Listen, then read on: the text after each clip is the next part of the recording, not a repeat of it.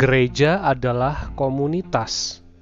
Mari bersama kita perhatikan dari Kisah Para Rasul pasal yang kedua ayat 42 hingga 47. Kisah Para Rasul 2 ayat 42 hingga 47. Mereka bertekun dalam pengajaran rasul-rasul dan dalam persekutuan, dan mereka selalu berkumpul untuk memecahkan roti dan berdoa maka ketakutanlah mereka semua, sedang rasul-rasul itu mengadakan banyak mujizat dan tanda, dan semua orang yang telah menjadi percaya tetap bersatu, dan segala kepunyaan mereka adalah kepunyaan bersama, dan selalu ada dari mereka yang menjual harta miliknya, lalu membagi-bagikannya kepada semua orang sesuai dengan keperluan masing-masing dengan bertekun dan dengan sehati mereka berkumpul tiap-tiap hari dalam bait Allah.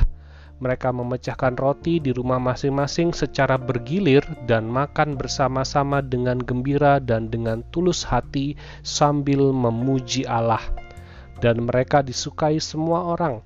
Dan tiap-tiap hari Tuhan menambah jumlah mereka dengan orang yang diselamatkan. Bagian yang kita baca hari ini adalah kisah gereja mula-mula atau jemaat awal di Yerusalem. Setelah hari Pentakosta, banyak orang di Yerusalem menyatakan tekad mereka untuk percaya dan dibaptis.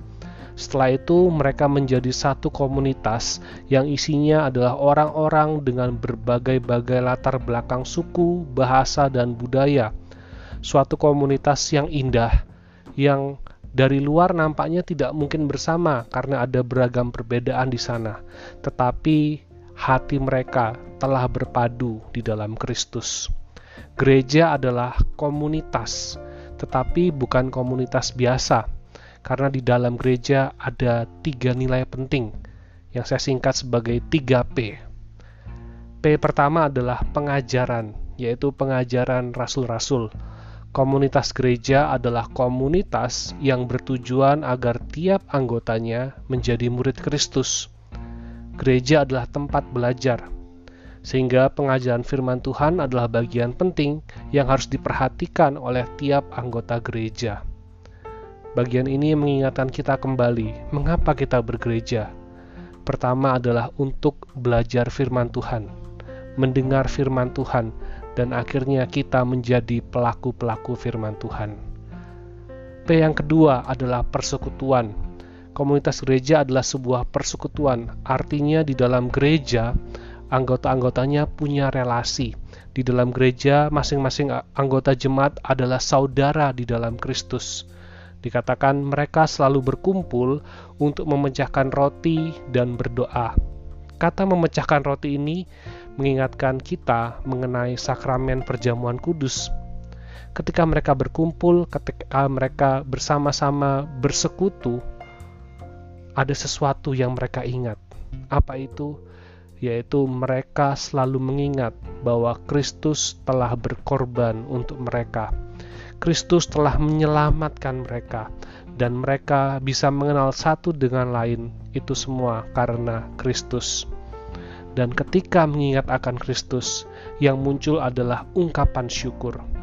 Persekutuan kita bukan untuk mengisi waktu luang saja, bukan hanya untuk mencari teman saja, tetapi persekutuan kita, persekutuan gereja adalah waktu untuk bersama-sama mensyukuri akan karya keselamatan yang telah bersama-sama diterima di dalam Kristus. P yang ketiga adalah perhatian Komunitas gereja adalah komunitas yang anggotanya saling memperhatikan, bukan cari-cari perhatian, tetapi memperhatikan satu dengan lainnya. Punya empati di dalamnya, dikatakan mereka tetap bersatu. Mereka bersuka cita ketika ada yang bersuka cita, ikut berduka cita ketika ada yang mengalami kedukaan. Dijalani dengan gembira dan tulus hati. Ketika kita mau belajar firman Tuhan, ketika kita mau ambil bagian di dalam persekutuan dan memberi perhatian dengan empati yang sungguh. Di situlah kita menjadi gereja. Di situlah kita juga dapat menjadi saksi yang menyatakan kasih dan kemuliaan Tuhan. dan Tuhan juga akan menambahkan jiwa-jiwa yang baru di dalam komunitas sebagai kumpulan orang-orang percaya yang telah diselamatkan di dalam Kristus. Mari kita mengingat bagaimana kita bergereja. Mari kita memiliki hati untuk terus belajar akan kebenaran firman Tuhan dan juga belajar untuk menjadi pelaku firman. Mari kita bersekutu di dalam persekutuan yang indah karena Kristus yang telah menyatukan kita, karena karya keselamatan yang sudah dinyatakan bagi kita. Dan mari kita menjadi orang-orang yang saling memperhatikan satu dengan yang lainnya dengan penuh empati yang sungguh memperhatikan dan berbagi apa yang bisa kita bagikan Gereja adalah sebuah komunitas yang di dalamnya ada pengajaran, ada persekutuan, dan ada perhatian. Kiranya kita semua boleh menjadi anggota-anggota gereja yang boleh memperhatikan tiga bagian ini dalam kita bergereja. Mari kita berdoa.